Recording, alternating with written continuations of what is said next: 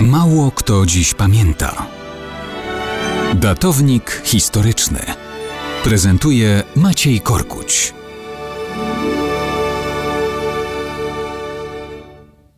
Mało kto dziś pamięta, że 17 października 1797 roku w Campo Formio swój żywot kończyła koalicja antyfrancuska kilku państw europejskich. Po stronie republikańskiej Francji zabłysnął w pełnej krasie talent boga wojny Napoleona Bonaparte. Przeciw Francji walczyły przede wszystkim Wielka Brytania, Austria, Hiszpania, Neapol i Zjednoczone Prowincje Niderlandzkie. W 1796 roku Francuzi uderzyli i nad Renem, i we Włoszech jednocześnie. W Niemczech losy wojny były zmienne, ale błyskotliwe sukcesy generała Bonapartego we Włoszech, potem w Tyrolu i francuska nowa ofensywa w Niemczech zmusiły Austrię do podpisania pokoju właśnie w Campo Formio. Austria m.in. oddawała Francji Belgię i oficjalnie uznawała francuskie panowanie w Nadrenii i w całej północnej części Italii. Koalicja antyfrancuska się rozpadła.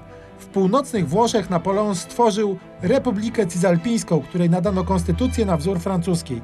To dla obrony tego państwa zaczęto tworzyć legiony pod dowództwem Jana Henryka Dąbrowskiego złożone z Polaków.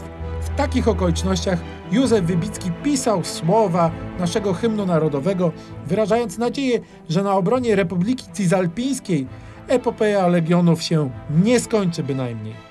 I tak pokój w Campoformie i dzieje państw włoskich splotły się z historią Polaków żyjących daleko na północ za szczytami Alp.